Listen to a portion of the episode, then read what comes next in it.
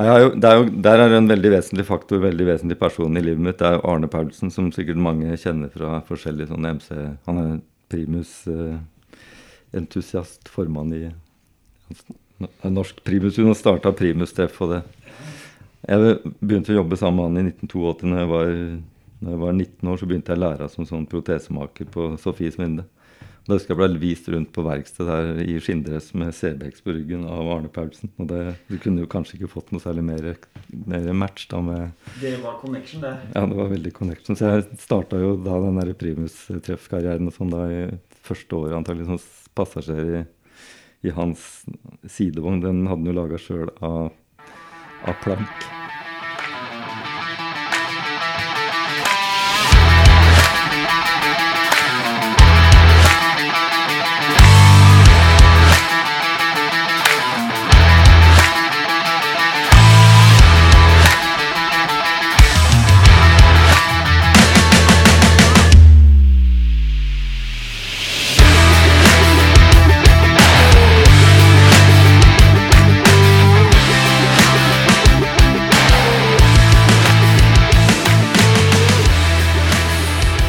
Ja da, da er det bare å ønske velkommen tilbake til nok en frekk og freidig episode med Rally Nord podkast. Jeg har rett og slett eh, kjørt salta veier med bil for å komme til eh, dagens eh, studio oppe ved Strømmen. Og her sitter jeg og skal lage en slags garasjeepisode med en Litt av en reodor har jeg fått bilde av meg nå godt. Vi har hatt en liten omvisning ute i garasjen. Det var det Jeg tenkte at vi skulle sitte der, da. Det var sånn jeg hadde sett det for meg når jeg inviterte dagens gjest. Så da tenkte jeg jeg, ser for meg at vi slår opp et lite bord, og et par stoler, og så har vi vært ute en runde og kikka litt. Og jeg tenkte her kan ikke vi sitte, for det er ikke plass. Det er for mye. Det er for mye sykler her. God dag, god dag, og velkommen til podkast Knut Holte. Takk for det, du. Du, vet du hva, Det er så herlig å bare få lov til å møte sånne eh, figurer, fordi at eh, Du sa ikke skrotnisse? Nei, jeg sa ikke det. Jeg sa ikke det. Fordi at eh, det syns jeg er litt Jeg syns det er litt sånn skjemmende. Ja, jeg er enig i det. Jeg, jeg er ikke eh, Ja, jeg skjønner liksom eh, hvorfor sier man skrotnisse om, eller hva, hva han er skrotnisse, og det er skrotnisse og sånn, men Ja, det er de som har tunet fullt av biler som aldri skal ut på veien. Det er, Ja, ikke sant? de greier å holde innafor veggene. Ja. Under tak, så er det greit. ja. Men eh, Nei da. Jeg, jeg tenker at eh, Kan ikke du bare si litt om deg, og så kan jeg si litt om hvordan jeg egentlig kom i kontakt med deg etterpå? Jo, det kan jeg gjøre. vet. Jeg er godt voksen fyr. Jeg blir 59 om to dager, faktisk. Ja. Enegga tvilling. Vokste opp i et uten Jeg tror ikke vi hadde miksmaster engang. Vi hadde ingen motoriserte ting i heimen. Nei. Så at man ender opp som en sånn ihuga motormann i voksen alder, det er en litt pussig. Men det er iallfall blitt sånn. Det står en gammel moped her, som du så i stad, som er eh, første møte med Første møte med tohjulinger. Det var stort. Det husker jeg som det var i går, når bestefar rulla inn med høye, brune gummistøvler og regn, sånn oljehyre midt på sommeren til fetteren da vi bodde da. Og fikk lov å skreve over den der damesykkelramma på den Tempoletten. Og sitte og lese skiltene på tanken. Som han eh, sikkert satt kikka ned på han også når han kjørte, for å se hvordan han skulle oppføre seg i trafikk. Så jeg arva den, og den har stått i 40 år nå sikkert, eller over det. Så den eh, kommer, kommer kanskje på veien igjen, men kanskje ikke med meg som sjåfør. Så jeg arva den hvite pottehjelmen, den eggeskalken som vi kalte den, og så hansker med sånne mansjetter på, og den der oljehyra ligger også et eller annet sted. Så den er klar for nye runder. Han var en han hadde ikke førerkort, så han burde strengt tatt ikke ha vært ute i trafikken. i det hele tatt, Men han kom seg iallfall eh, fra A til B med den mopeden som vekka en sånn helt eh, merkelig iver hos både tvillingbroren min og meg. Den, det var den derre Den mopeden. Og så noen Vi bodde rett ved en Ekornesfabrikk på Fetsund. Der kjørte et par tøffinger med ene med Goldwing. husker jeg, Et veldig veldig tidlig Goldwing. Jeg husker det var, jeg skjønte ikke hvorfor i helvete kjøper noen seg bil når du kan kjøpe en sånn isteden. Jeg husker, jeg husker vi leste der Aftenposten Aftenposten-vedleggene med bil og motor som var en gang i året antagelig. Da husker jeg vi så hva ei boble kosta. Var en sånn der, en eller annen tung motorsykkel. Du husker faen det koster omtrent det samme. Hvorfor kjøper folk seg bil istedenfor å kunne rase rundt på de greiene? Så det var et eller annet sånt, ikke genetisk, men et eller annet dette greiene kommer fra, som ikke jeg veit hvor Det kommer iallfall ikke fra noe i heimen. Så det, Det er noen sånne triggere. ja, Eh, jeg husker de der greiene, de sykla som kjørte opp ned til den fabrikken. Det var sånn så vidt vi kunne stå, men vi skjønte at det var et eller annet spesielt med. Slutten av 60-tallet og begynnelsen av 70-tallet. ja. Det fenga noe utrolig. Etter det så har jeg jo ikke har vel tenkt på en del annet, men det har vært sånn en ganske vesentlig faktor i hele tilværelsen. Vi har veldig mange forskjellige innganger, men iallfall så har det veldig mye dreid seg om sykler. Så det ser ut som varer ved. Blei det, ble det uh, Altså, du ble det sykkel på deg rett etter det, eller var det bare sånn du hadde huska, Nei, noe- huska følelsen av tanken, og så, Nei, og så kom dette det tilbake var på hele tida. Det husker Ja, jeg fra ja, vi ja. begynte på ungdomsskolen. Når det begynte å nærme Mm. at, ja, Vi satt jo på med mopeder, husker jeg. Det var noen som var gamle nok som vi drev sammen med på noen ungdomsklubber og sånn, som hadde Jeg husker det var et par som hadde lettsykkel, hvorav to av dem kjørte seg faktisk i hjel på lettsykkel. Ja. Og jeg husker også satt på noen av 50 og noe sånt. Så det, det var det broren min kjørte første gangen, før han var gammel nok til å kjøre, selvfølgelig. Jeg husker jeg var på tur med faren min og mopeden til tvillingbror til et eller annet sted langt inne i Aurskog-Høland eller noe. To stykker på en sånn slapp Skillera 50 med, med full sånn telt og fiskeutstyr. Og faktisk fatter kunne heller ikke kjøre spesielt bra. Det vi kom i hvert fall fram, og da hadde du glemt fiskestang. Husker jeg så han måtte kjøre tilbake og hente den. Så jeg tror vi måtte kjøre en sikksakk opp Holtbakken i- utover mot Gansdalen for å komme opp. Men uh, vi kom i hvert fall fram. Det var stas. Så, før det så tror jeg første jeg har vært på tur med som var motorisert, var sånn tohjuls uh, sånn jordfreser som du kunne sette kjerre bak, som var en nabo som hadde, som vi kjørte Ja, som tohjulstraktor. Ja, det var jo, det var jo Det bråka jo og gikk jo framover. Gikk jævla sakte, men det gikk an å kjøre på veien med. Ja, ja. Pluss at vi drev og prøvde å få liv i en gammel Norton. Husker jeg holdt på, gikk aldri noe, ble aldri noe suksess. Det var mye sånn motorgreier, selv om vi ikke hadde noe sjøl. Men eh, når vi var i nærheten av gamle nok til å kjøre lettsykkel, nå måtte ta Jeg hadde 100, 100 kubikk på slutten av 70-tallet, så var Så var vi jo for tidlig ute med det. Da. Så vi kjørte jo altfor mye uten førerkort sånn før vi var gamle nok, begge to. Så at det gikk bra, er bare, og at, vi, at ikke foreldrene våre stoppa oss, det skjønner ikke jeg. Men eh, jeg tror ikke de egentlig fulgte godt nok med på akkurat de tinga der. Sånn, fordi de ikke hadde noe forhold til sykler eller Jeg tror, jeg tror eh, liksom hele samfunnet var litt sånn skrudd sammen på den tida. Eh, det var ikke, Det var sånn. ikke alle som kjørte rundt uten førerkort før de var gamle nok. Nei da, nei, det er ikke det jeg sier, men altså, det, det, du hører den samme eh, historien gjentar seg, da, Ja, ja, ja, ikke sant? Fra, eh, fra på en måte den generasjonen, da. Mm. At, eh, at eh, Nei, det var ikke så farlig. Og nei, jeg kjøpte den første sykkelen min da jeg var 14, Mm. og fikk lappen da jeg var 16 osv. Det er en sånn Det er gjentagende.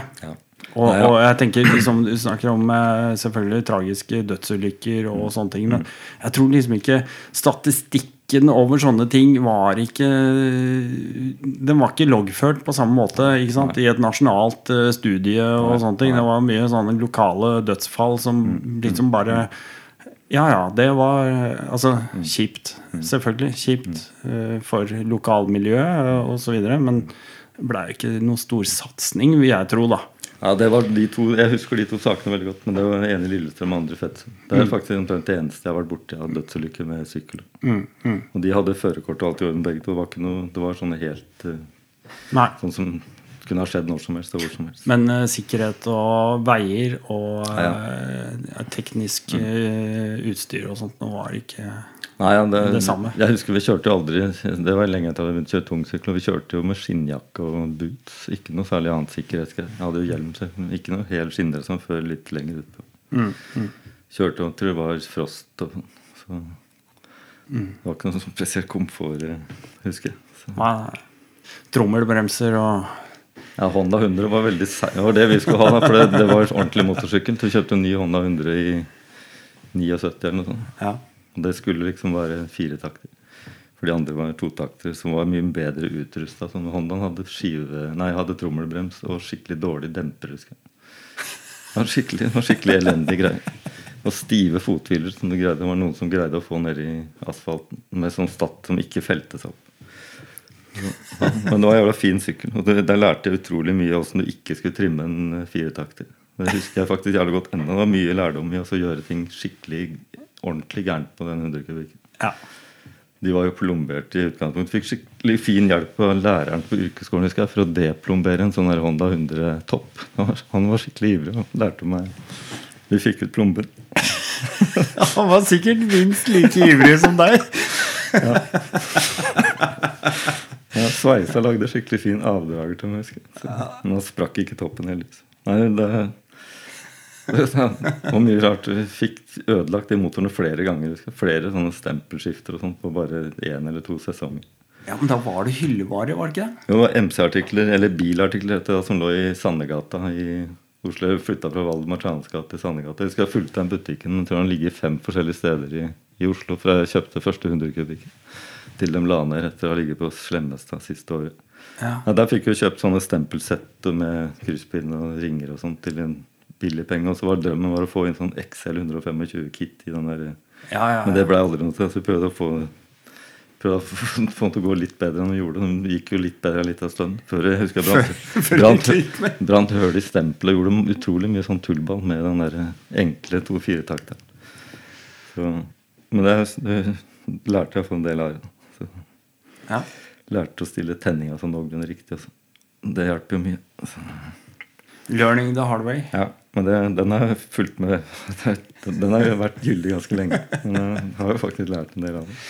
Men, men det som er Kanskje det er litt sånn retrospekt av hele greia. At når du først ødelegger et eller annet, da, og så, så blir det litt stående, og så, og så har du liksom plutselig et chassis Ja, ja. og, en, og en motorblokk i deler eh, liggende utover i noen kasser, og så går det i gang med noe nytt. Ja, og så begynner det å hope seg opp, da. Det er jo sånn det har blitt nå. da Nå er nå er jo blitt en gammel sa- samler. Det har jo vært mange trinn imellom, men fra den der Honda 100-greiene til det som jeg endte opp nå, det er et eller annet sånn Gussi-gen som har slått ned skikkelig her på 87, helt spesifikt. Ja, eh, altså på Det- modellen i Nei. 87-modell i Nei, Gussi, sju- at jeg kjøpte første Gussien i 87, ja, det var liksom eh, Ja. Hvis jeg ikke hadde gjort det, vet du faen hva jeg driver med nå. Det har liksom uh, fylt opp det meste av fritida mi etter at, ja, fra 87, både med venner og omgangs... ja. Og sånn fritidssysler på alle, alle he, hele året. Det har liksom forma deg. Ja, og så har det vært en vesentlig del av tilværelsen etter, eh, Ja. etter 7-8, jeg kjøpte første Gussit. Jeg hadde hatt masse sykler før det, men det var et eller annet spesielt som eh, Men, men hvorfor, det, hvorfor, hvorfor, eh, hvorfor Gussi? Ja, det, var, det begynte egentlig så Jeg hadde jo sånn Honda CBX med sek, det, var, skulle være svært og tungt og mest mulig effekt. Jeg husker jeg hadde først en Honda 900 og så en Honda CBX og så en FJ 1100 og alle ting. Og da kjøpte jeg første Gussin i 78 når jeg hadde den der FJ-en som jeg aldri burde ha kjøpt. Eh. Men, eh, men da, da, da hadde jeg vært på debutantkurs sammen med to kamerater som eh, skulle ta debutantkurs på Gjelleråsen på, i Karlskoga. Som ikke jeg hadde råd til å være med på, for jeg gikk på skole antagelig. Da husker jeg kjørte bak eh, ei som hadde en Hun har for øvrig den sykkelen ennå, en sånn 750 Montjuic eh, F1 Ducati. Jeg kjørte bak den fra Ørje til Karlskoga, tror jeg. Lå i den der, eh, den 2 i 1 Conti-lyden hele veien og ble rusa av bare den lyden. Og da var det en sånn Montjuic jeg fikk helt uh, kick på at det, det måtte gå an å skaffe en sånn F1 eller Montjuic eller en annen sånn Ducati. Forløperen til de moderne Ducatiene.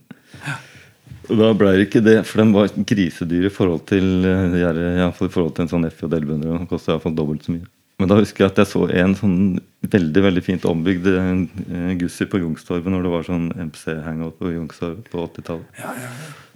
Da så jeg sykkelen til Guttorm Næss. En sånn der perle av en ombygd eh, Le Mans-drev. Og da skjønte jeg at den der grunnkonstruksjonen er sånn For da, den, Du så jo hva det hadde vært i utgangspunktet. Den skjønte jeg at det er sånn Det var helt sånn basic eh, konstruksjon. Og så kunne du gjøre veldig mye rart med det. Det så jeg med en gang, for han hadde gjort veldig ombygninger. Men likevel så så du hva som var liksom kjernen i sykkelen. At det, er ikke noe, ikke noe som ikke trenger å være der. Helt sånn gjennomført eh, bra design og ikke noe sånn dilda. Ikke noe sånn helt plain motorsykkel. Ja. Og så veldig rette linjer. sånn at RBM-rammen syns jeg alltid har vært stygg. Dempera står i gæren vinkel. og Aldri vært noe sånn der, fan av design på gamle boksere. Men Gussien hadde liksom samme riktige sånne Estetikken var helt sånn spot on med en gang. Bare så jeg sånn tomt i Gussi-ramme første gang, så skjønte jeg at den var liksom helt sånn akkurat sånn den skulle gjøres. Og den, eh, den har de slutta å lage nå. Hun lagde de samme ramma i mannsalder og mer enn det. Så den er, er det, det er den jeg falt for, og den har jeg brukt til alt mulig rart etterpå. Helt fram til nå, liksom. Så Lino Tanti lagde en helt sånn der ultimat eh, enkel, eh, enkel ramme til den Gussi Vetvin som er tidløs. Helt genial. Akkurat sånn du skal gjøre det. Ja, for Jeg snakket jo litt Jeg hadde jo en garasjeprat med Jo Espen Bjerk her også for en liten stund tilbake. Og det var jo sånn Han også er jo en Gussi-mann. Han er det i bunn og bunn og grunn. skjønner. Ja, i bunn og grunn, ja. Det er litt sånn Jeg er i hvert fall veldig fascinert mm. av Gussi, da. Sier du motto Gussi? Eller nei, nå det- må vi skal- ta nei, Nå skal først- vi rydde opp i ja, den med en gang. deg. For når jeg var i Italia rett etter at jeg, jeg, Ikke rett etter jeg kjøpte den Gussien i 87, så tenkte jeg jeg skulle teste eller dra på tur. Så jeg dro rett til eh, Jeg kjørte gjennom hele Italia sammen med en kamerat. Han kjørte en CBR 1000 som hadde lånt av en butikk i Lillestrøm. Og så kjørte jeg den der helt nyinnkjøpte 850 Gussi Le Mans 382-modellen. Da kjørte jeg helt til eh, Helt til hæren på Italia, og så over til Hellas, og så gjennom Hellas og rundt Albania og ned til Hadde meg ut på de øyene i Hellas og sånn. Og tilbake igjen så glemte jeg hva du spurte om, men det var i hvert fall eh, da Da, Nei, det var navnet. da husker jeg var i Italia første gang, var det jeg skulle si. Så skulle jeg kjøpe deler, jeg skulle bare kjøpe et eller annet oljefilter eller blavayer. eller sånt. Da spurte jeg til Moto Gussi. Da var jeg rista på huet, det var ingen som skjønte hva jeg snakka om. Ja, moto er jo bare motorsykkel, liksom. men det er Guzzi på italiensk. Ikke Guzzi, men Guzzi. Da kvikna den til. Da skjønte du hvor hun skulle guide meg hen til, i, for å finne forhandler. Akkurat. Så det heter Guzzi i Italia. Så er det- Moto Guzzi, dere.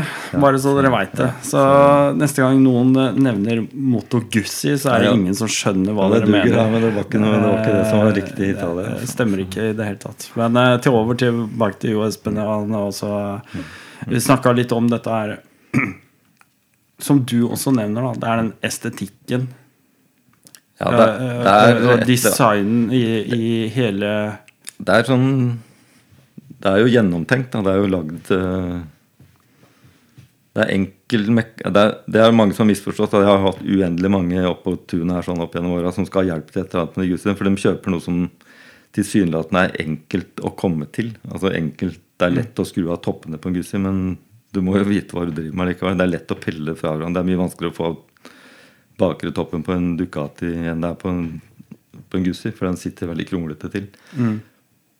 Men det er veldig mange som har misforstått at du må jo selvfølgelig vite hva du driver med. Selv om du skal skru på noe som er enkelt og genialt eh, konstruert, så må du vite hva du holder på med. Det er en fordel. Det har vært utrolig mye sånne banaliteter som har hjulpet folk med her. Sånn, som eh, De kjøper Gussi fordi de, det er enkelt og det er, greit, det, det er smart å kjøpe noe som er enkelt du kan gjøre det sjøl, men det er nesten ikke noe verksted som skrur på, skrur på gamle Gussi. Så hvis du skal kjøpe noe sånt, så må du lære å gjøre, gjøre det sjøl iallfall. For du kan ikke stille en i kø på en eller annen moderne MC-verksted. Da må du heller kjøpe noe som er nytt eller nyere. Sånn.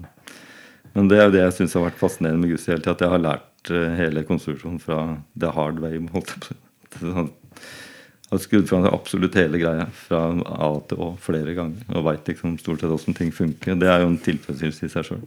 Men der er vi jo tilbake. Der kan vi jo ta en digresjon med en gang. Sånn at det fortsetter der, eh, der vi begynte, med hvordan jeg egentlig kom i kontakt med deg. For det var, jeg var jo en sånn nisse på tunet her en dag.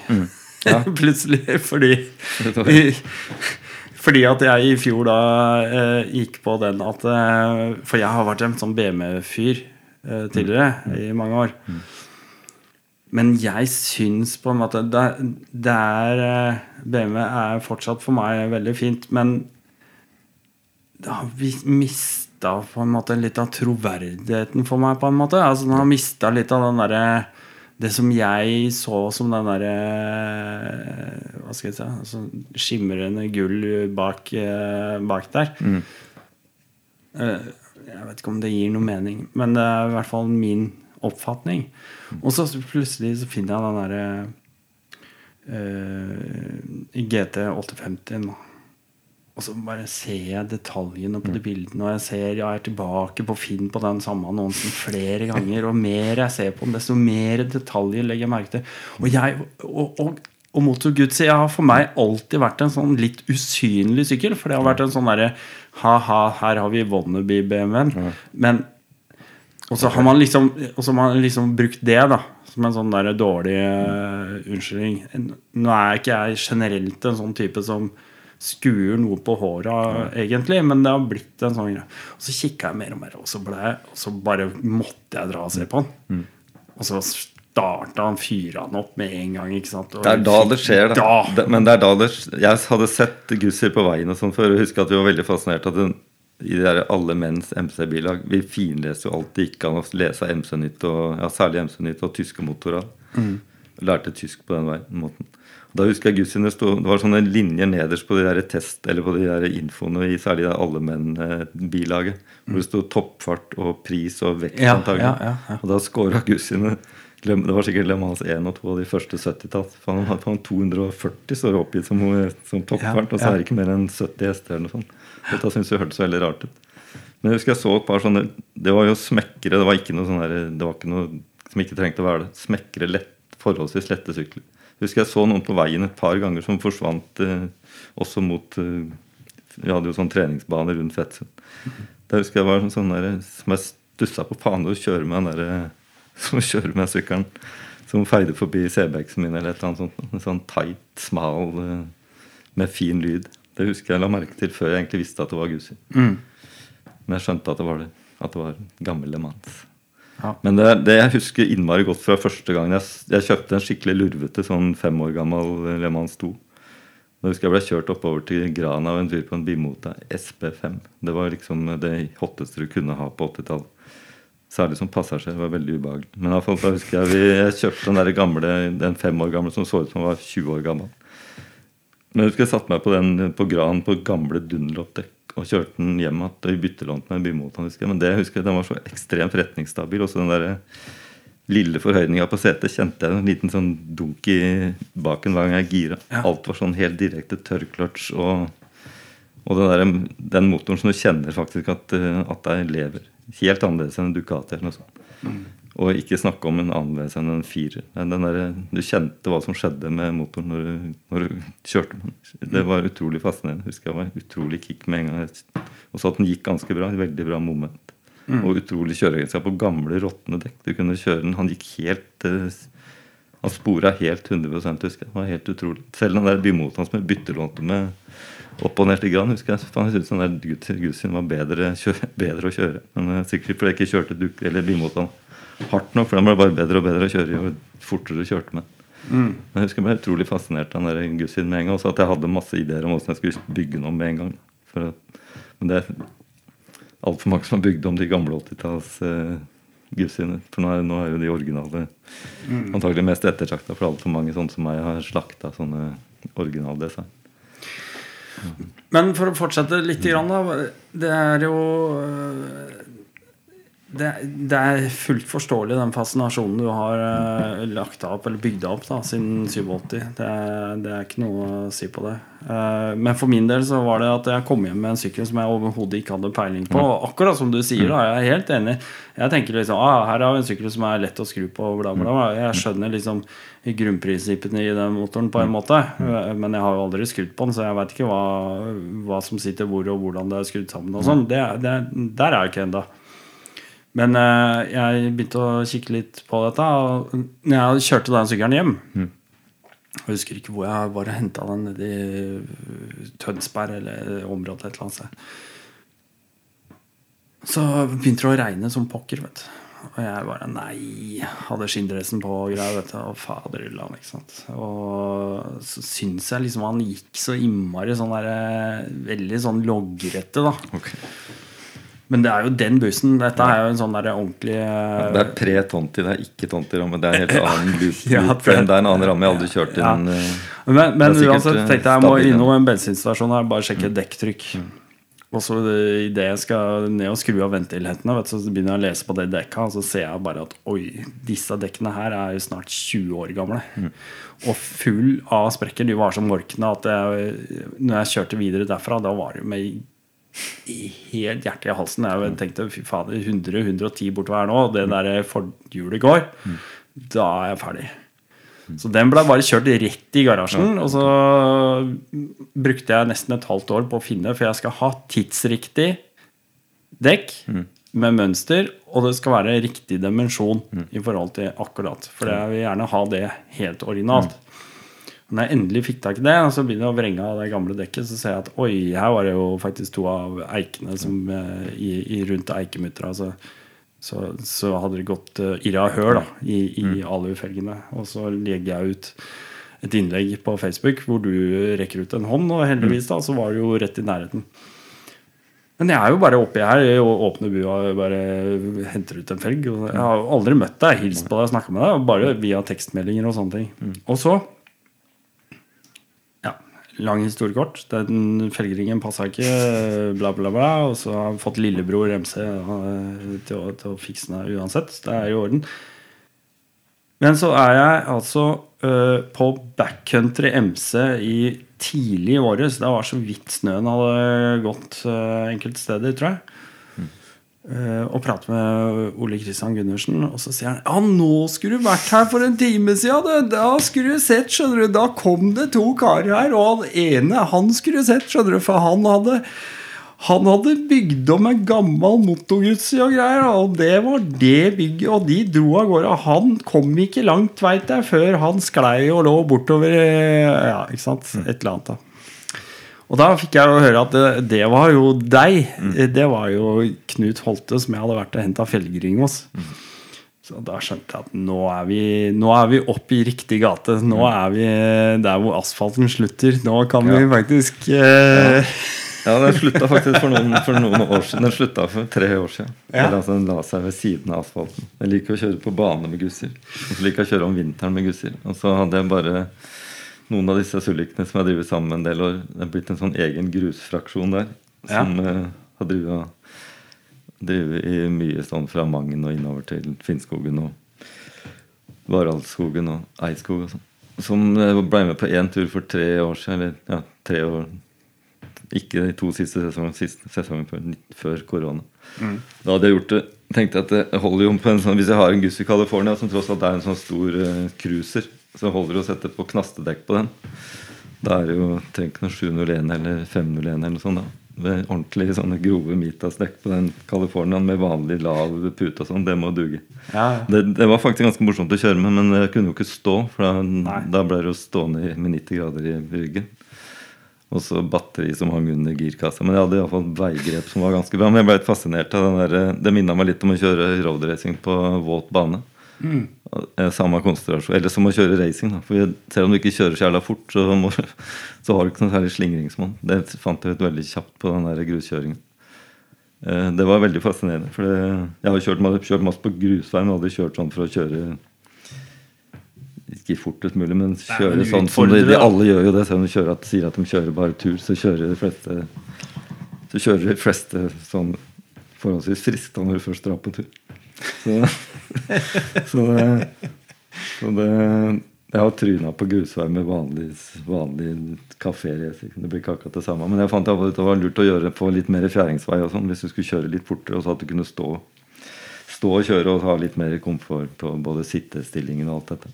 Men jeg kom, i hvert fall ganske, kom til Brumunddal via diverse dårlige veier, husker jeg. Så jeg kom i hvert fall fram med den der Californiaen. Med grove dekk på. Det var veldig deilig å kjøre med. Det var første gang jeg kjørte med knastedekk. i det hele tatt. Det var jo Ja, det syns jeg. Du fikk veldig stor eh, Du fikk en god sånn eh, tillit på de dekka. Men eh, den var sikkert litt overdreven.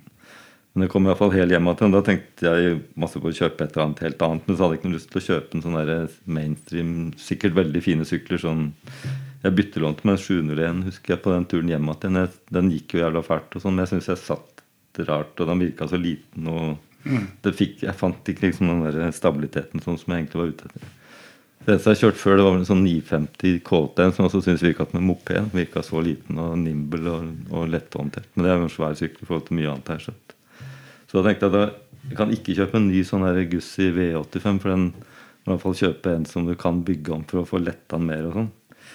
Da tok jeg heller og ribba den der Californiaen helt, og så fikk jeg tak i en KTM-front som en kamerat hadde hatt stående stille sånn ufullstendig, eller et prosjekt som aldri ble noe av med en BMW. Så fikk tilpassa den, ribba den Gussin helt. Satt med lang baksving og KTM-gaffel med 21 tonnshjul og 18, 18 uh, eikeføy bak. Så var jeg egentlig, synes egentlig at jeg var ganske godt på vei til å få en sånn sykkel. Og måtte gå og kjøre alle steder med den.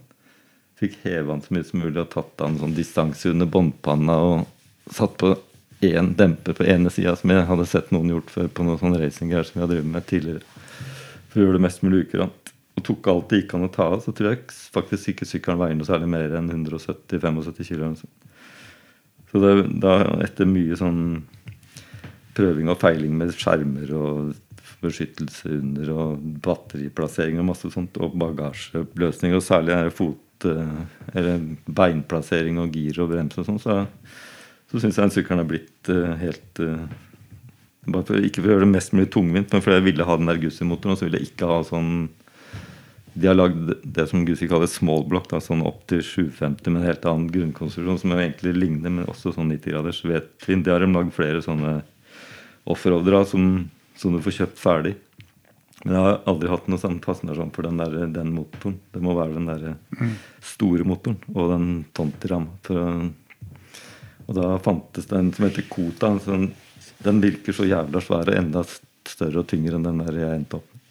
Den har jeg egentlig ikke tenkt at har vært noe ideelt. Så jeg syns det var mer spennende å prøve å lage en sånn grusykkel som kunne i hvert fall kjøre der alle andre kjører med sånn sjunerlener og sånt, som jeg har kjørt sammen med. Og det har, synes, det har stort sett funka. Jeg har tryna med noen ganger, så det har vært litt tung å få opp aleine.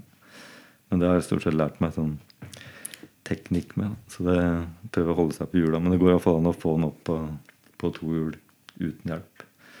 Selv med oppakning. Så jeg har jo lært meg en del om sånn opp, oppakning og få pakka riktig og pakka lite. Jeg syns jo først at disse andre som kjørte grus, de var så ekstremt opptatt av alt det der stæsjeutstyret, turutstyr og pakkløsningene og sånt. Men da endte jeg opp med å kjøpe veldig mye av samme greiene sjøl. Mm. Ja, særlig sånn tight væskesystem som sitter helt fast, som sitter lavt. Og, er, og, og kjøpt veldig mye, mye lettere utstyr. sånn lett telt og lett uh, camp, altså sånn mikroseng og sånn, for å ha det, og dunposer. og Endte opp med veldig komfortabel, lett oppvakning. Som mm. er, uh, det er litt av clouet å kunne dra og ha med alt du trenger, selv om du ender med kanskje ligge i ei koie eller en gapahuk eller et eller annet sånt. Det er jo litt av den der greia som ligger i båndet, at han liker å være selvdreven og kunne klare deg under Det er jo et eller annet som datagen antagelig som ligger i bånn. Det, det, det, det, er det. Alltid lengter tilbake til tur når du akkurat har tørka etter forrige tur. Nei, men et eller annet sånn Med å kunne ha med deg det du trenger, og kunne være borte så lenge du vil. og Som har jo fulgt med veldig grundig på han Helge Pedersen og andre sånne turingprosjekter, som særlig Helge Pedersen, som jeg husker mm. fra, fra 80-tallet. Ja. Så har jo hatt også en annen som jeg også husker jeg fikk bøkene ta Hjalte Tinden og Nina Rasmussen, som uh, skrev flere sånne reiseskildringer fra Sør-Amerika, bl.a. tidlig på Eller de skrev det vel på 80-tallet. det er jo bare tilfeldig broren av en god kamerat, som jeg også har vært så heldig å treffe. Hjalte også. Han var jo også en sånn turguru som han driver fortsatt og guider folk i verden rundt med den dattera som lå i tankveska på første turen. Hun er vel med som sånn medguide guide nå. Så det, der har det, det var inspirerende, inspirerende lesning. Særlig den første boka, 'Hell og lykke'. For de gjorde akkurat det som jeg og sikkert veldig mange andre drømte om å gjøre. Mm. De gjorde det til og med med to små unger. Så det, ja. det var heftig. Så, men uh, ja, den derre uh, gruskjøringa har jo vært sånn helt uh, solo der har ikke vært noen unger eller andre involvert. Jeg hadde jo kjørt masse sykkel med unger i sidevogn og sånn for å kunne strekke strikken lengst mulig for å kunne få kjørt sykkel. Så. Ja, vi må jo ta med det litt også. Da tar vi et raskt avbrekk i denne ordinære podkastepisoden, bare for å fortelle deg at du kan gå ned i eh, shownotes. Du kan klikke deg inn på patrons-linken der nede, og bli en patron av Rally Nord podkast, selvfølgelig. Da kan du bli en Rally 50 eller Rally 100 patron. Da får du eh, automatisk en link til eh, Rally Nord eh, patrons pod. Du får en link til eh, Discord som jeg sender deg. Du eh, skal selvfølgelig få et Rally Nord podkast-klistremerke som du kan eh, pynte opp eh, din yndlingssykkel med, og eh, ikke minst så er du automatisk invitert til neste Rally Nord Patrons-treff. Og eh, om ikke annet så kan alle også gjøre meg en tjeneste til. Det er nemlig gå inn og gi meg ratings der hvor du lytter på din podkast. Gi meg slike stjerner. Og eh, har du litt grann ekstra tid å avse, så gi meg gjerne også en eh, omtale. Det hadde vært veldig, veldig hyggelig. Alt dette altså til prisen av eh, to eller fire liter bensin i måneden. Tenk litt på det. Ja, vi må jo ta med det litt også. Eh, altså, eh, jeg også deler jo den fascinasjonen med sidevognen og, og sånne ting. Men for din del, hva Du nevnte det egentlig ganske sånn innledningsvis. Altså, hva skal du med bil? Du kan bare kjøpe en sånn her. Og det tenkte jeg det, når Men, det, var, eh, det var da jeg var liten. Ja, altså ja, ja men, men, men liksom, hvis vi skal dra den litt videre, da, så er det jo liksom Ja, har du en sidevognsykkel? Ja, Altså, jeg har en kompis som aldri har hatt lappen på bil. Ja. Jeg har jo, det er jo, der er en veldig vesentlig faktor, veldig vesentlig person i livet mitt. Det er Arne Paulsen, som sikkert mange kjenner fra forskjellige sånne MC Han er primus-entusiast, formann i norsk primus. Hun har starta Primus-treff og det. ja, ja. Jeg begynte å jobbe sammen med han i 1982. Når jeg var, når jeg var 19 år, så begynte jeg å lære som sånn protesemaker på Sofies Minde.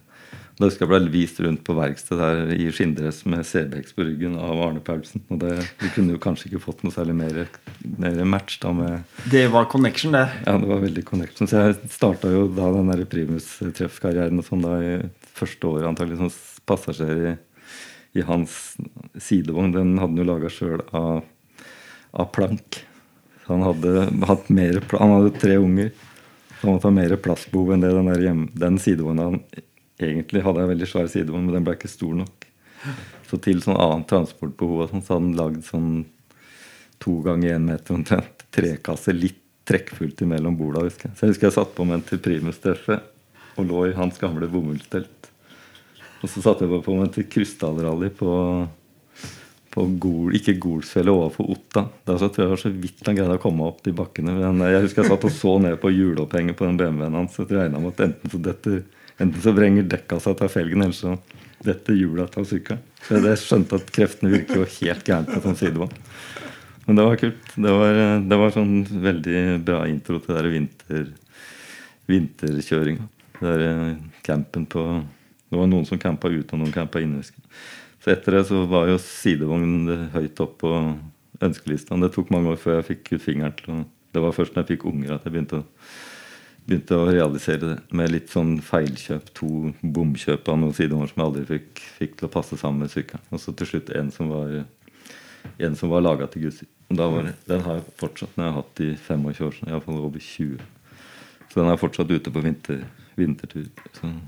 Men det, den derre introen med, med friluftsliv og sånn primus-intro med han Arne Paulsen og den derre treff-kulturen som han var en veldig viktig del av, det var en veldig bra læretid.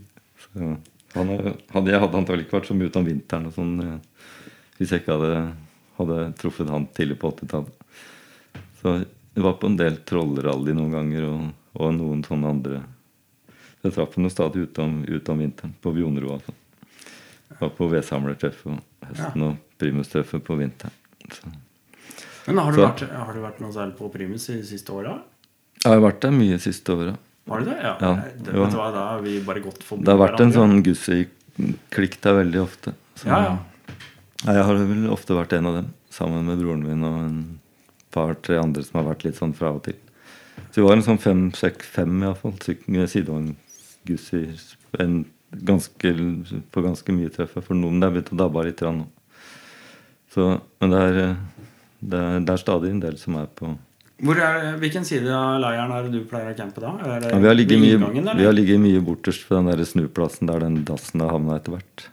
I det er- all verden. Der har jeg hatt lavvo i mange runder. Og så har jeg ligget litt akkurat på høyre sida rett etter at du kommer inn til området der. Nå sist jeg var der, for et par, to år siden. Sammen med han siden han Roy, han som forsvant i vinter. Ja, ja. Så Nei, jeg har vært der oppe mange ganger.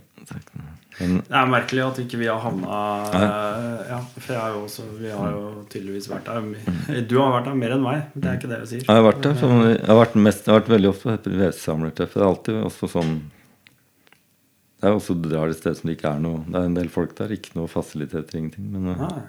Veldig ålreit. Sånn fint avbrekk. Akkurat Ja. på tampen av høsten. Jeg har vært, jeg har vært på vedsamlertreff i under 20 kuldegrader et år, som det var masse snø på. Ja. Så Jeg hadde egentlig lyst til å dra på vedsamleren i år, men, eh, jeg har akkurat kjøpt en uh, Ural eh, 750. ja. ja, da kan hende du kommer til. Nei, du kommer sikkert på det til og fra. Så, Da, eh, jo, men det er den nye. ja, ok. ok. eh, nye varianten. Mm. Så den er ganske eh, robust. Ja, det er jo fint. eh, Det har vært mye blanda føre oppover der. Folk har trøbbel uten, uten pigger, husker jeg. Ja, ja. Jeg, jeg har til og med greid å velte med sidevogn på vei opp til Primus-treffet for noen år siden. Med lånte, lånt sykkel, tom sidevogn, vant til å kjøre med last i sidevogna. Ja, litt uh, framlasta sidevogn. Jeg hadde tom sidevogn, så satt jeg og tenkte på noe helt annet med å kjøre motorsykkel. Så fikk jeg bakhjulsslipp i en sånn jævlig holkesving rett før Bjondra. Så, Å, så jeg hadde skulderskrap med sidevogn. Det tror jeg aldri jeg har sett før. Så jeg datt jo av sykkelen, og sykkelen gikk i forsvant. Men uh, uskada nesten. Så det var sånn Du, det er uh, for Er det seks-sju år siden eller noe sånt? Ja, noe sånt sikkert. Ja, noe Eh, sånt. Det husker jeg. Det var rett, så var det en fyr som ba- Flaks som vanlig. eh, Sklei langt på veien, og sykkelen forsvant ut av, ut av veien uten at jeg så den. Og da Én plugghette tror jeg var ødelagt. Og, Og så skrapa opp litt par. Men fikk, og så gikk jeg 50 meter, fikk jeg haik noen. Etter ti minutter tror jeg var en en sånn kjempebrøytetraktor som hadde heist hele sykkelen opp på veien igjen. Så bare bytta jeg plugghette og kjørte opp. Når jeg kom opp dit, så tente, så tok, tente vi på lavvoen til Eigen. Helt nyinnkjøpt helsport-lavvo. Som en annen luring eller ikke en annen som hadde fylt den skuffen i ovnen med rødsprit. Så like før den gikk til himmelen, så skulle vi løfte ut den der skuffen, og da tok lavvoen fyr. Så vi tre, tre godt kledde menn skulle ut av en sånn lavvo samtidig. Så bar litt preg av det etterpå. Så det var sånn eh, helg med litt komplikasjoner. Ja. Så, men, eh, Det har, det har vært eh, mange sånne historier. Ellers har vi hatt masse fine sånne grusturer på, på ja, Både på grus og is og snø og alt til Finnskogen. Vi hadde julebord sånn med HJ rundt Fjørsjøen, Varhalskogen der sånt. Som ble en sånn bra tradisjon noen år. Hvor vi alle ting dro opp i skauen der rett før jul og hadde julemat og det som hører til. Veldig hyggelig. Satt der oppe og lurte på hvorfor i all verden vi dreiv med det her sånn. Det, det ble jo Fant dere ut hvorfor? Ja, vi holdt på å stryke med på veien her. Ja, utmatt noen ganger i djupsnø og sånn. Prøve å buksere sånn 500 kilo sidevognsrigg i djupsnø når du ikke kommer fra dit du har tenkt deg sånn. Men likevel, og i 20 kuldegrader. Kan du få det knallfint inn i lavvo i løpet av 10 minutter med fyring. Det er, det er helt unødvendig å begynne med sånn crossfit og sånn der eh, Ha sånn der eh, månedsabonnement. Ja. Sånn, det er bare tull. Kjøp deg en sidevognssykkel, Prøv å så og så komme deg løs når du har satt deg fast. Ja, og så kan du prøve å eh, kjøre den litt sånn med litt sånn dårlig servicebakgrunn. Sånn at du får liksom de der sanne opplevelsene. Da, da skal du få kjørt deg. Ja, det var, jeg har alltid hatt en del sånne utfordringer. Har alltid stort sett alltid kommet hjem uten noe hjelp. Det, det var også litt kult med Det har jo litt med Gussi-mekanikken å gjøre. at Jeg har hatt mye Ikke mye tull, men jeg har stort sett, ikke stort sett alltid kommet helt hjem igjen uten, uten assistanse. Hvis det har skjedd et eller annet. Så. Litt ekstra start. Det er ikke kik på Gussi. Det eneste jeg savna på de store Gussi-motorene, at det aldri har vært laga med kik. Ja. Men et jævla svært tungt batteri veier jo 20 kilo til. Det er iallfall 10. Det er batteriet som følger med de gudsene. Mm. Ja, de er svære. Nei, det er, eh, jeg har opplevd det også. Jeg ligger på E6-en i rushtrafikken eh, sånn i halv sju-tida på morgenen og skru motorsykkel mens eh, trafikken går sånn sakte forbi. Ja, Hver, hver tiende bil stopper og lurer på om du skal ha noe hjelp eller et eller annet. Det er 15 minusgrader og ligger og skrur på, på veiskulderen. Det er sånn jeg, har ikke, jo, jeg, har, jeg har ikke skrudd. Jeg har hatt noe sånn der tullball med elektriske greier. Ikke pga. noe gærent med det, men fordi det er fullt av sånn saltsørpe-slush. ja, At, det har kort- at det har skjedd ting med både lading og andre ting pga. den der saltlaka. ja. Så, så jeg har hatt noen sånne springmarsjer på ja, Springmarsj, så fista du sidedeksel. Jeg skulle ha løpt med sånn full vinterpåkledning på E6. Da også, så trenger du ikke å trene noe sånt særlig i tillegg. Men nei, det var utrolig mye kult med de der vinterturene. Det er jo sånn Det er jo offroad mye av det. Men det er ikke egnet. Jeg har kjørt meg helt fast med sidevogna på sånn vårløsning og sånn. Så da, det var veldig mye deiligere å begynne å kjøre med to hjul av knastedekk enn tre hjul av vinterdekk. Så, ja. så det, Ja, for det er litt sånn Det er litt sånn Men- hvis, vi, hvis vi går inn i sånn OTC-miljø, altså veldig mye sånne øh, det er, ikke, det er ikke så mye sånn Jeg skal ikke si at det er sånn klikker, og jeg skal ikke generalisere noen ting. Fordi at det, eh, mange som kjører da, moderne sykler, KTM-er, eh, er eh, ja, Alle mulige andre kommer jo nå. Det er Yamaha T7-er og Det er mye sånne jo. Litt sånne båser, da. Og så, og så kommer det plutselig for meg, da. Så er det plutselig full spenning, fordi at det, det kommer liksom en kar som bare bygger opp en scrambler av eh, gamle deler han har liggende i garasjen. Og, og det er liksom For meg så er det det, det, er det ultimate. I- i- For meg så er det litt sånn der Jo, jo, jeg kjører også moderne sykkel, men jeg har veldig stor fascinasjon for de greiene der. Og, og kjenner meg igjen i liksom litt sånn der følelsen av å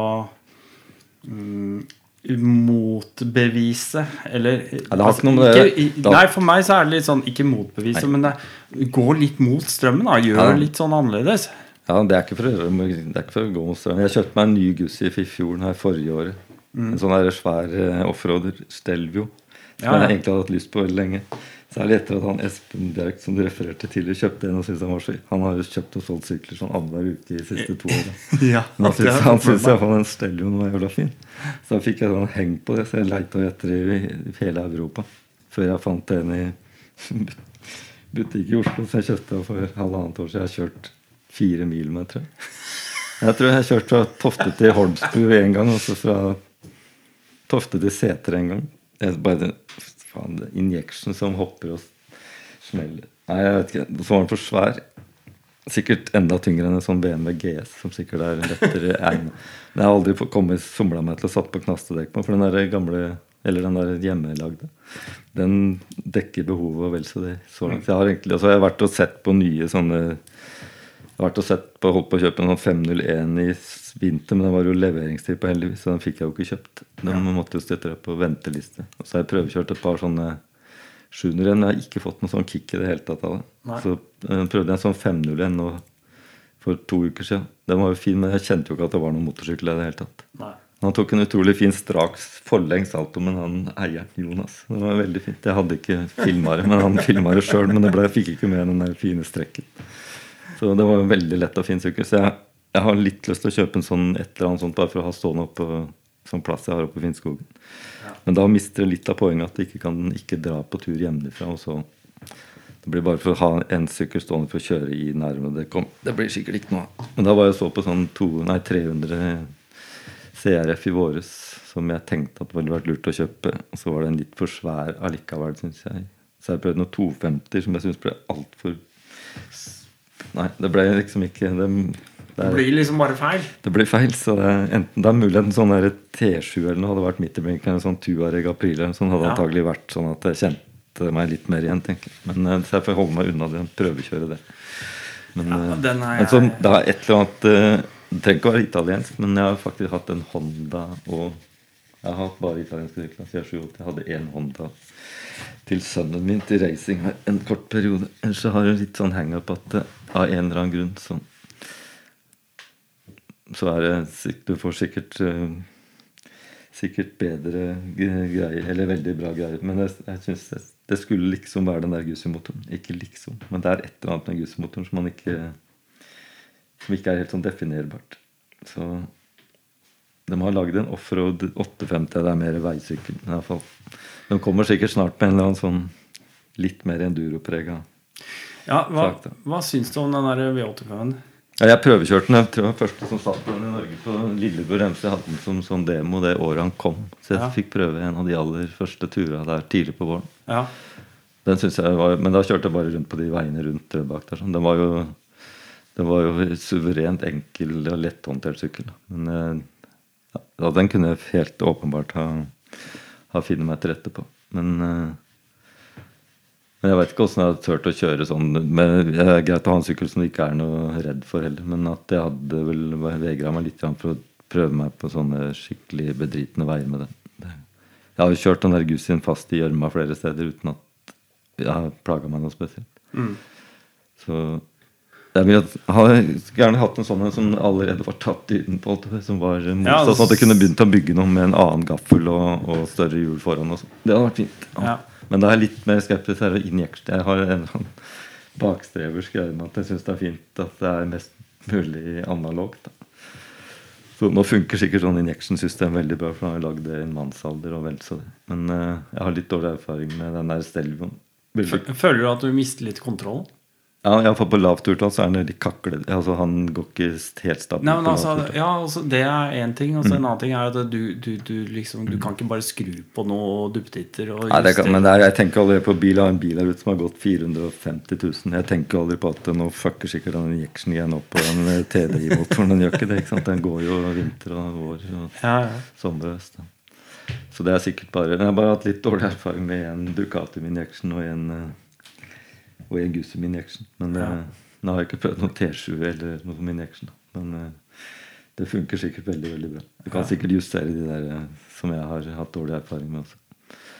Så det er sikkert bare Men jeg liker faktisk litt den der mekaniske til Altså, det er et eller annet med den derre At jeg har litt, litt sans for forgasser og helt sånn basic mekanikk som funker. Så er ikke, fordi jeg er redd for at det skal gå i stykker nødvendigvis, men at jeg liker også å se hvordan ting virker.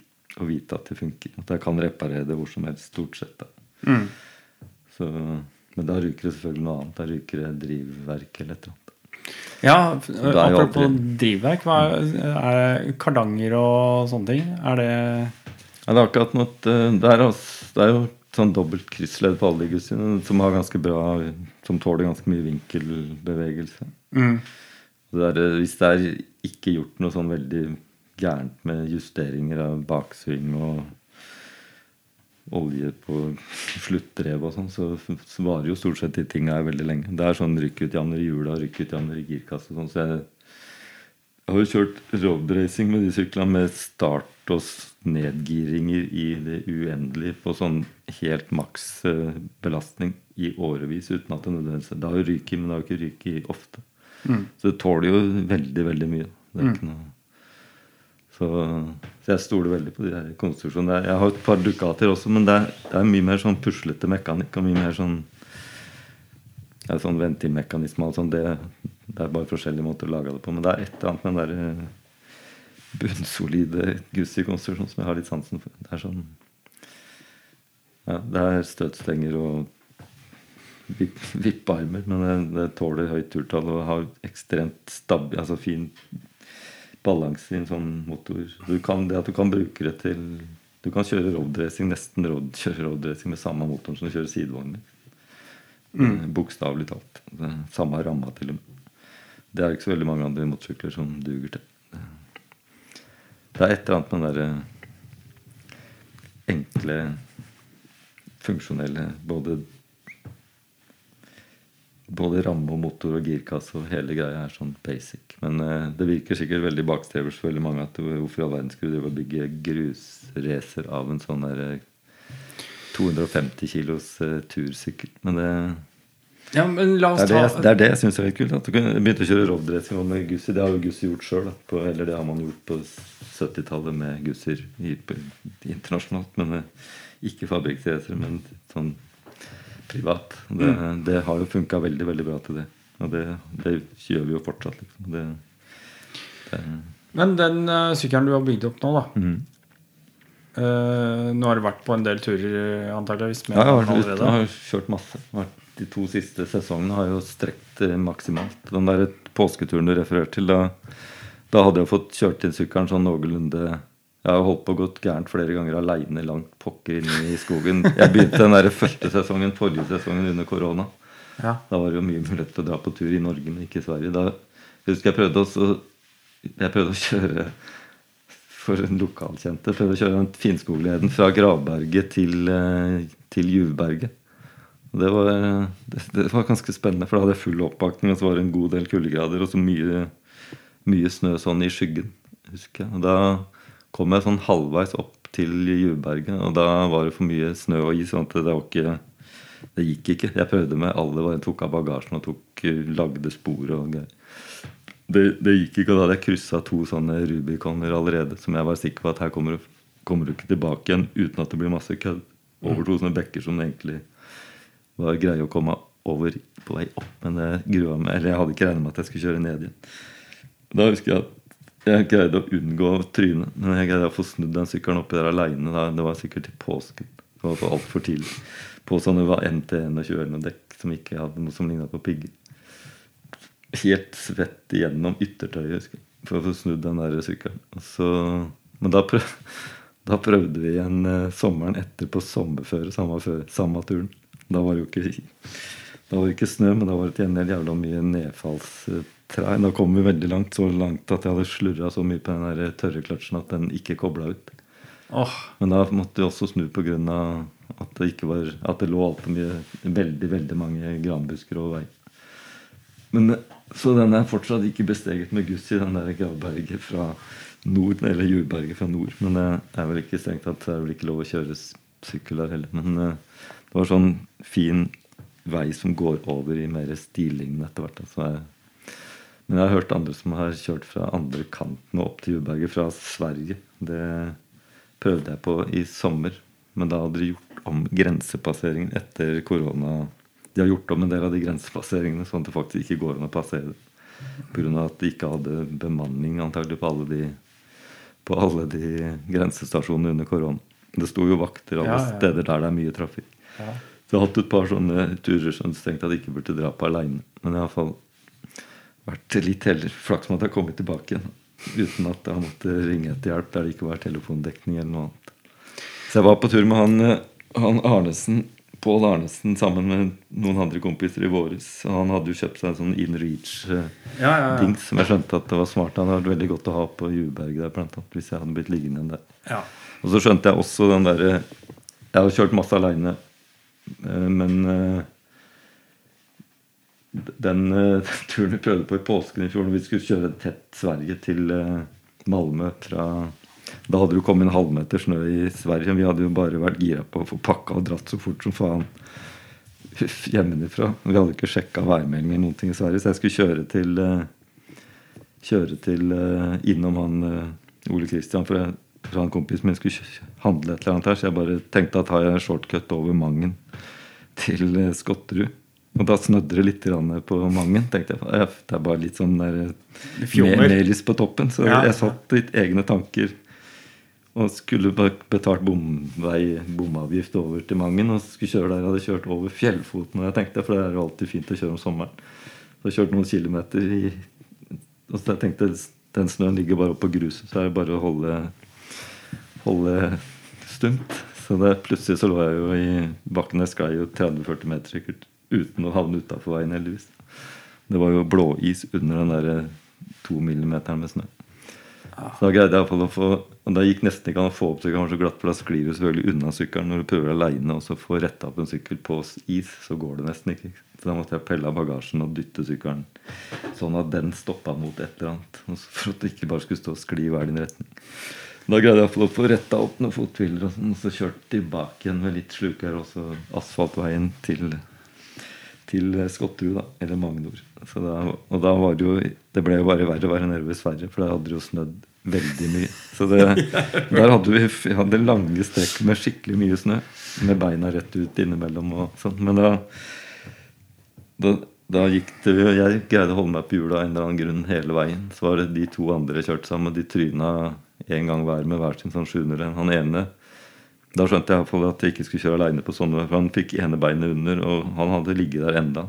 Mør og fin hvis han ikke hadde hatt hjelp til å få gravd seg ut eller få letta, letta av sykkelen. For han hadde ikke kommet ut med på egen hånd. Så da måtte vi snu på veldig mange av de etappene som sikkert var veldig fine. Det ble veldig spennende, men det ble litt sånn av og på grusvei. Det kan bli litt for spennende.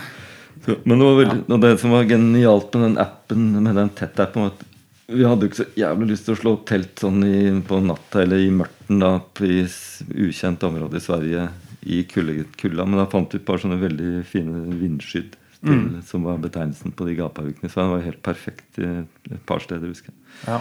Veldig, veldig fint. Så jeg ga meg sånn på halvveien, så kjørte han Knut Iver, han ene kompisen, kjørte helt til Malmö.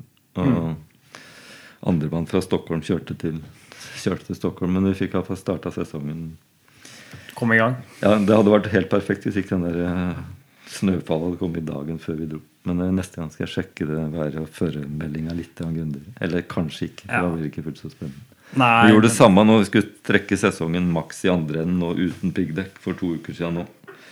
Da, da har det der stedet nord på Finnskogen hvor det er helt en ufattelig mye fine strekk å kjøre rundt på.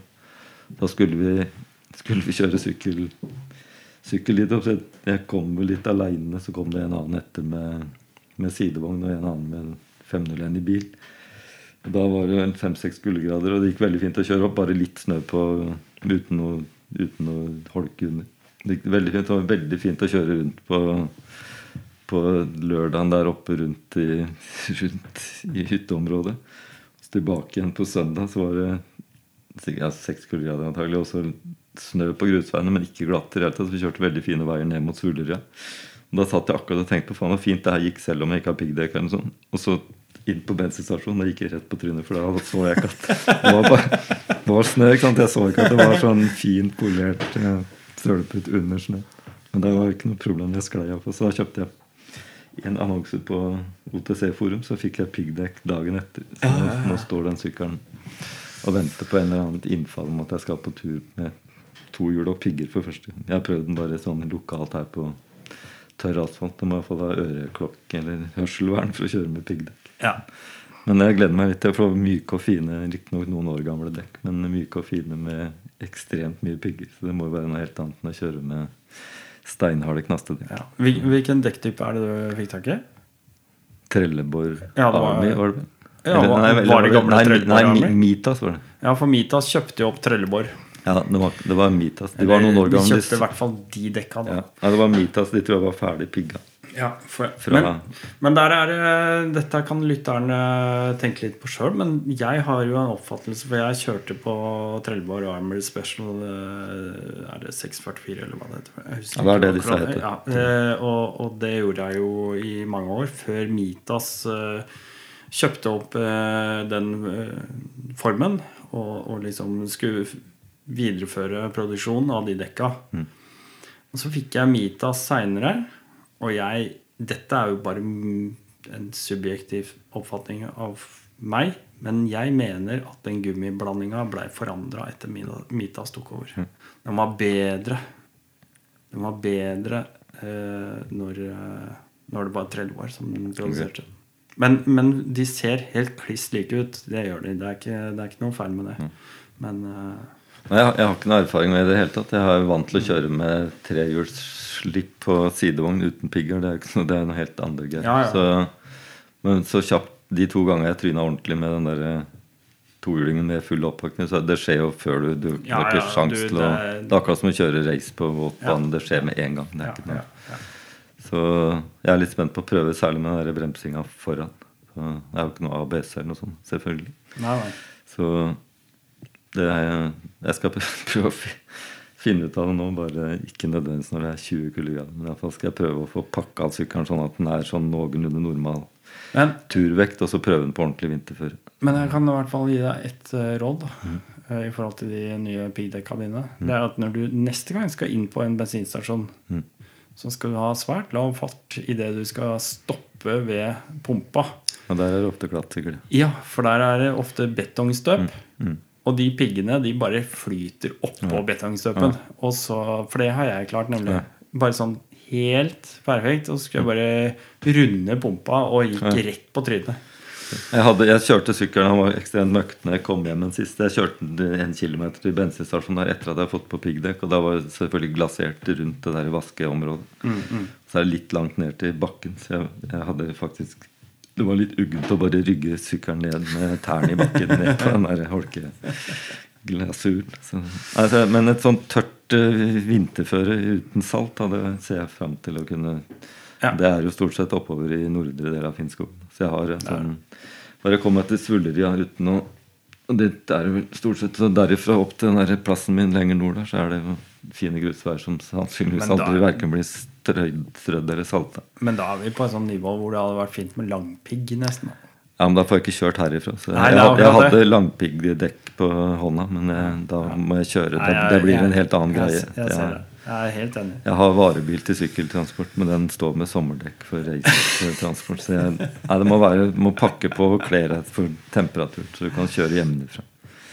Så så det blir et lite kompromiss. Men blir det noen planer til sommeren igjen med grustur nå, eller? Mer Ja, ja, nå, ja, i forhold blir til det. Nå har jo hatt en veldig inspirerende helg med fest på Motomental. Det er en sånn lokal eh, MC-losje, kan vi kalle det nesten. Som har et lokale i, i Oslo som vi hadde fest nå på lørdag. Der var det en kamerat, han ene som var med på påsketur, som bor sånn delvis i, i Italia, i Nord-Italia. Han driver og kjører guida turer i den Via del Sal nord for eh, Eller rundt Limone og nord for eh, Bordega, heter vel området, eller byen.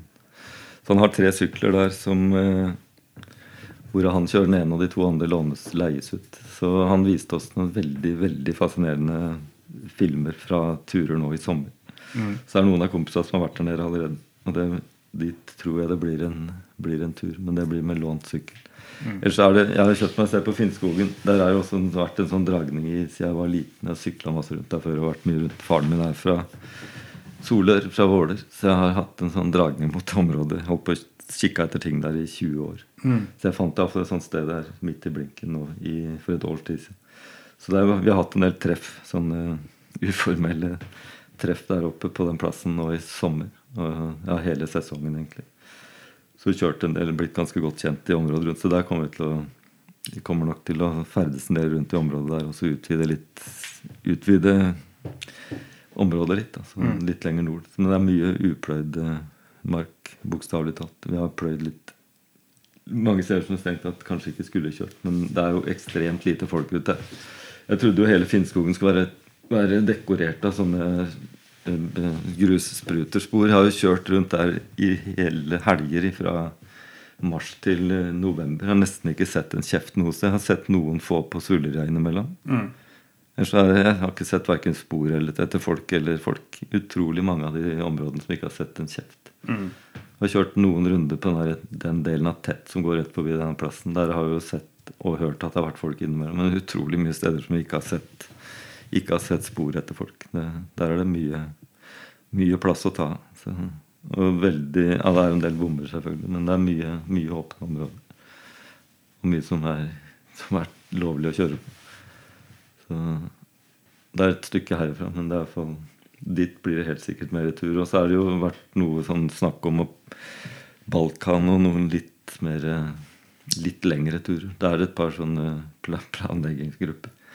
Men jeg har ikke slengt meg på noe sånn konkret. Men det blir iallfall 60 neste år, så vi får en ekstra ferieuke. Så det er jo Ja, ja, ja, enda, ja, får du den, enda ja. større muligheter til Nei, Ja, Det gjelder jo å trappe ned jobbinga etter hvert. Men uh, det er iallfall stort sett så er det et eller annet som frister med en sånn tur med en gang man har kommet hjem igjen. Om det er en sånn roadracing-helg eller en sånn grustur eller en sidevognstur, så er det veldig fokus på å komme seg av gårde igjen. Det er et eller annet eh, spesielt. Du vil ut fra komfortsonen og ut fra Så gjerne gjøre noe som er litt sånn Ikke risky, men ikke bare Ja, for Vi snakka litt om det her i stad når jeg kom. Uh, du, jeg tok jo deg midt i middagen her, og så slo jeg meg ned her. Men, men uh, foran peisen, og det er liksom den der kosen med det. Og så tok du litt i tak i det der og liksom ja, bryte opp den der komfortsonen og komme seg ut og Ja. Du snakker jo om vintertreff, og du snakker om Jo, vi har jo liksom, sittet, rundt, gapahuker vi har jo sittet og- rundt i, det der, i lavvoen eller i en koia på Kjørsjøen lurt på hvorfor, hvorfor, det, hvorfor gjør vi det her, liksom? Hvorfor drar vi midt ute i skauen? Ja, hvorfor gjør man det? Hvorfor gjør man det? Så kronglete. og Det er sikkert dyrt hvis du skulle regne med alt. Det er fordi vi kunne, liksom. Det var eneste konklusjon. Det var ikke noe Fordi du kan, ja. Men det er, verst er at det er mange som holder på sånn. Det ser jo, har vært smekkfullt på Bjonerud den siste helga i, i februar i 40 år. Selv om det begynner å bli litt langt utpå våren. Men eh, det er jo finest å kjøre sånn i januar og desember. Og sånn. Hvis du først skal kjøre på sånn ordentlig knirk, knirkete vinterføre, iallfall her i området, så er det jo mest sjanse for at det er det på i januar. Ja. Ikke i slutten av februar. Da begynner det å tine litt. og sånt. Så de der veiene på Finnskogen tidlig på våren bør holde seg unna. Det er jo hatt trøbbel med tre hjul til og med. Så det er jo heldigvis stengt veldig mange av de veiene pga. pga. teleløsning. Ja. Det er jo greit at folk respekterer det. Mm. Så, men, eh, nei, men det å komme seg ut av komfortsonen, gjerne med et par sånne utfordringer underveis, det skader ikke det. Det må være litt eh, Vi er ikke lagd for å sitte foran peisen inne, vi er lagd for å sitte foran bålet sikkert, men, eh, men eh, det må ikke bli for komfortabelt eller for enkelt. Da blir det for enkelt. Så, og så er den der kombinasjonen med ja, Uansett om det er en grustur den, Det har jeg blitt utrolig fascinert av. Fordi det har vært sånn på steder som jeg ikke har kjørt på steder som jeg ikke har trodd at det har gått an å kjøre. Og, og sånne ruter som noen har vært veldig flinke til å planlegge på. Så jeg har vært veldig fascinert av, av nye, nye steder. Det er ikke noe gøy og Jeg syns aldri det var noe gøy å Etter å ha kjørt roadracing, så var det jo kjedelig å kjøre vanlig motorsykkel på vei. Så det slutta jeg nesten med. Etter det der blir litt av greiene nå. Så det er jo Det er ikke noe gøy å bare kjøre sånne alle kan jo kjøre fort på en vanlig grusvei, men det, er mye, det må jo være noe sånn Det trenger ikke være en sånn enduroløype, men noe sånn midt imellom som gjør at det er spennende. At du må følge med absolutt hele tida. Har du prøvd deg på roadbook ennå, eller? Nei, jeg har, lastet, jeg har faktisk lasta ned en app. Jeg har sånn digital jeg Digital app, ja. jeg har sånn digitalt kart. Ja, ja. Jeg ble faktisk mobba litt fordi jeg hadde kjøpt kart for mer enn sånn vanlig GPS koster. Men- Papirkart. Ja, ja, Du har, mer, du har en verdi men jeg- av papirkart men jeg- for mer enn en GPS? Jeg kjøpte en sånn veldig fancy Garmin eh, i våres, faktisk. Som jeg har brukt en del. Den, eh, den funker, den der. Og så har jeg lasta ned en sånn roadbook-app på telefon. Som, eh, Jeg så jo at det funker også, men det er så at jeg, jeg eh, Hvis jeg skal sitte og Jeg prøvde vel noe på den touch-telefonen som ikke funka veldig bra når jeg kjørte. Så jeg skjønner at det lønner seg å ha en eller annen sånn med styring fra styret hvis du skal ikke være avhengig av å ta av hanskene for å styre. Ja, men det, det fins et hav Ja, av ja, jeg muligheter og, variasjoner. Altså, det er egentlig Nei, har- innstegs... Uh, Ja. Nei, vi, har, vi har kjørt mye sånne litt kronglete spor som noen har lagt opp veldig bra på forhånd. Det er en kompis som har vært veldig, veldig flink til å finne og lage løyper. Så. Det hadde vært veldig hyggelig å se deg komme opp med Gussin eh, på Stange da, i eh, juni. Ja, da var da du inviterer til Det er eh, Rally Nord Patrion-treff, vet du. ja, Nei, den Gussin kommer til å få kjørt seg, den. Så, Så, så, det hadde så kunne du jo invitert til treff på, på Nordre Fallås resort. Vet du, der jeg har egen, egen her kan guide deg litt rundt i søla der. ja. Nei, nei, men prøv å booke ned. Nå er den der sommeren blir veldig fort for kort. Ja, den gjør det. og kjører en hel sånn serie med roadracingløp Ja. som begynner i mai og slutter i september. Det er også sånn hangup som ikke klarer å slutte med før du skader deg såpass at det slutter av deg sjøl. Jeg har heldigvis sluppet unna det. Det blir sikkert omtrent samme som en gruskjøring. Du trekker jo helt sikkert den der grensa hele veien foran. Helt til det går gærent. Så det, Ja. jeg har jo vært veldig nær på det, selvfølgelig, som alle andre. Men, det, men eh, jeg har jeg skjønte at det var litt poeng i litt mer sikkerhetsutstyr. Jeg syns de overdrev veldig alt det der stæsj de skulle ha på seg for å kjøre, for å kjøre tur i skogen. Ja. Tryna, det var en som tryna foran meg ned en sånn veldig krøkkete vei der, så hadde du sikkert tenkt at det ikke lov å kjøre. Han ble liggende med beinet. Jeg så bare foten hans bak. Det var sikkert sånn ja, Beinet stakk opp bak høyre veska, og han lå med huet ned i, ned i lyngen og kom seg iallfall ikke opp. Og han hadde, han hadde en sånn Asterix eller noen kraftig knebeskytter. Mm. Jeg satt bak uten noe som helst på verken legger eller knær. Så da kjøpte jeg meg ordentlige støvler og iallfall knebeskytter som skulle ta for litt smell dagen etter. For da måtte jeg løfte sykkelen av knea. så den hadde ikke sett sånn ut, den foten, hvis den ikke hadde hatt Nei. ikke hadde kledd seg riktig. Så jeg kjøpte i hvert fall brynje og litt sånn forskjellig. Men jeg har hatt litt, eh, litt sånn hangup. Jeg har ikke kjøpt noe sånn eh, tekstilklær. Det har jeg egentlig aldri fått noe særlig Jeg har kjørt med skinn, stort sett. Ja, ja. Litt vanskelig å kle seg for fem kuldegrader og 20 varmegrader på samme tur. For det har jo faktisk vært innimellom. Både pluss godt under og godt over. Sånn sånn varm, eller helt tett regndress har jeg stort sett hatt som sånn backup. Og så, og så åpningshjelm, som jeg syns er mer komfortabelt enn sånn. Jeg har ikke prøvd å kjøre med briller. og sånn. Men jeg ser at det er veldig mye fokus på forskjellig fancy bekledning og utstyr. Men jeg tror ikke akkurat det er der eh, Jeg tror ikke det er der greia ligger. Men eh, For kjøregleden og sånn. Men, eh, Nei. men å ha riktig greier med seg, ikke, ikke mer vekt enn nødvendig. har jeg fått skjønt. Altså, det er begrensa hvor mye plass jeg har i det pakkutstyret jeg har på sykkelen. Sykkelen er tung nok som den er. Mm. Så, men jeg er veldig glad i å ha sånn seng når du skal ligge og sånn. Så Jeg har kjøpt en veldig snedig, sånn veldig lett feltseng som øker komforten betraktelig. Jeg har hatt en sånn skiveprolaps for et par år siden. Som er ryggen av- Sånn er ikke akkurat som den var for 40 år siden. Nei, da er du litt avhengig av å ligge ordentlig.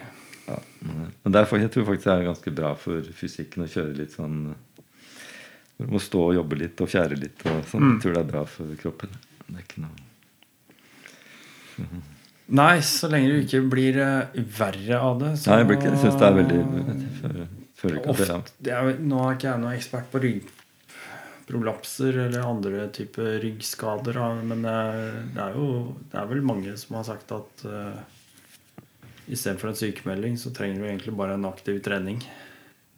Ja, en sånn uh, Først for uh, den er, det, er, det er sånn det er sikkert samme for alle andre, men den, er- hvis, jeg først får fyre opp en sånn Gussi-motor, så tror jeg jeg kurerer nesten hva som helst.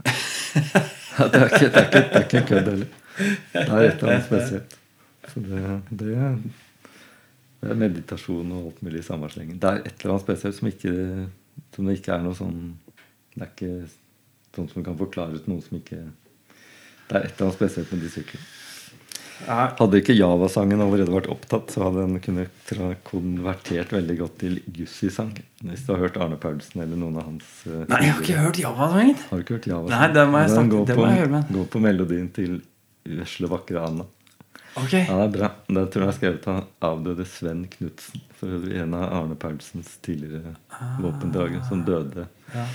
For en del år siden. Da han døde når han pakka sykkelen sin til vedsamlertreffet. Så han Ja. døde med støvla på. Så. Nei, det er en fin sang, den. Den har jo da er eh, Jeg kan den, jeg har ikke tenkt å prøve å synge den. Den er, den er. Nei, det jeg, jeg, husker, jeg, jeg husker den sangen i rundt bålet på Jonerud på 80-tallet. I for at det er, eh, denne har sjel, og at den er bygget inn i hver del, er en av den tekstlinjene. Den ligger på en eller annen YouTube-side eller noe sånt. Kult. Det må jeg sjekke ut. Da må vi, det, da, da må vi finne den. Ja. Den må jeg finne. Det var Javas vitner òg, husker jeg var en annen fraksjon av den Java Java-klubben. Javas vitner. Forresten veldig det beste, beste minnet fra det der vintertreffet, primustreffet, det var en sånn Java-klubb fra Eller Java, ikke klubb, en sånn gjeng fra Hønefoss som hadde dekka langbord på Bionerud. Hun skulle iallfall servere multekrem. Husker jeg, Da var det en som piska krem, og det var jo det Selvfølgelig så tar du turteleveieren kobler den av klokka på Javaen din. Monterer en sånn liten viss på den, så står du og pisker krem til multekrem. Det er sånne geniale løsninger. Ja, det er herlig. Du, jeg, jeg tror vi setter den streken her, jeg, Ja. Det har vært utrolig artig å høre Et, en, en fraksjon av uh, hva som foregår i livet til uh, Knut. Det er uh, ja, Det er artig. er Og så- for og så tenk- Nei, ja, får Ja, ja, så tenker jeg liksom at uh, neste gang uh, du, kjære lytter, er der ute på eventuelt på Tet eller et annet sted på Finnskogen, for den saks skyld, og du ser en eller annen komme på en Moto Guzzi ja, da Så er det ikke meg. Nei, det er ikke deg, nei. Og er da snakker vi ikke om V85-en. Det er eh, godt gammelt. Nei, jeg skal blåse liv i den der Stelvioen. Den er jo ikke så gammel. Den er nesten ikke brukt. Nei. Med skikkelig dekk på den. Og så bare Den er sikkert Den er jo veldig komfortabel å sitte på. Sånn fin å kjøre passasjer på. Sånn. Ja, Men det har ikke vært noe sånn Det har, ikke, det har vært eh, om å gjøre å komme seg ut med den andre som har vært fri igjen. Så det- veldig bra, ikke sant? Ja. Du, ja, kom dere ut i skogen. kom dere ut i Pri- skogen. Primus. Enklest mulig forhold. God mat. Ja, det er, eh, Gode kamerater. Det skal ikke mer til. Om eh, Skal du på Primus nå? Ja, det er ikke planlagt ennå, men det kan godt hende. Ja. Jeg har faktisk ikke brukt en sidevognsykkelen siden primustreff i fjor. Så jeg har bare fått av det verste av saltlaken på den. Og så bytta noe lys og litt forskjellig. Det er gjerne sånn man Så- gjør det. Så, ja, den, den har ikke noe godt av sånne vinterturer og så ikke bli pleid litt etterpå. Nei. Det har, Min Skort- også skal skort eh, dessverre ut i Lakan uh, i februar. Så det blir uh, inntil da ikke brukt noe uh, Huskverna heller. Nei, hvis jeg klarer å holde meg på hjula med to hjul, så hadde jeg egentlig litt lyst til å prøve å kjøre opp til Bjornerud på to hjul. Bare for å sette om det går. Det tror jeg går helt fint. Men eh, vi runder av for Ja. nå, vi. Jepp. Og så ses vi jo plutselig bare igjen, vi, da. På primustreff Primus-treff i februar. Det satser vi på. Det satser vi på.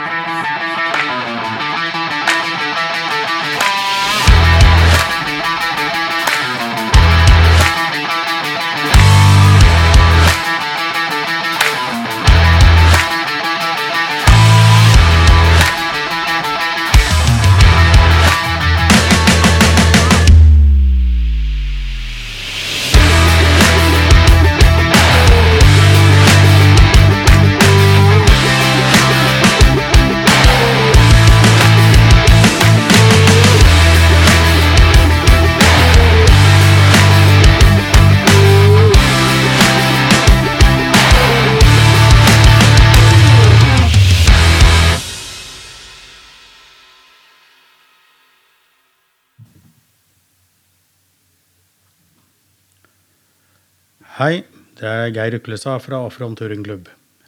Jeg har et lite tips som jeg gjerne vil dele med deg. De nye ultratøffe crosstøvlene mine sliter av lakken på ramma. Hva kan jeg gjøre for å unngå det? I rekvisitabutikker eller fra folieringsfirmaer for biler kan du kjøpe folie i metervare. Rens med rødsprit før du limer, så sitter folien bedre. Varm folie med føner eller varmepistol, så former den seg etter ramma. Pass på så du ikke får luftbobler.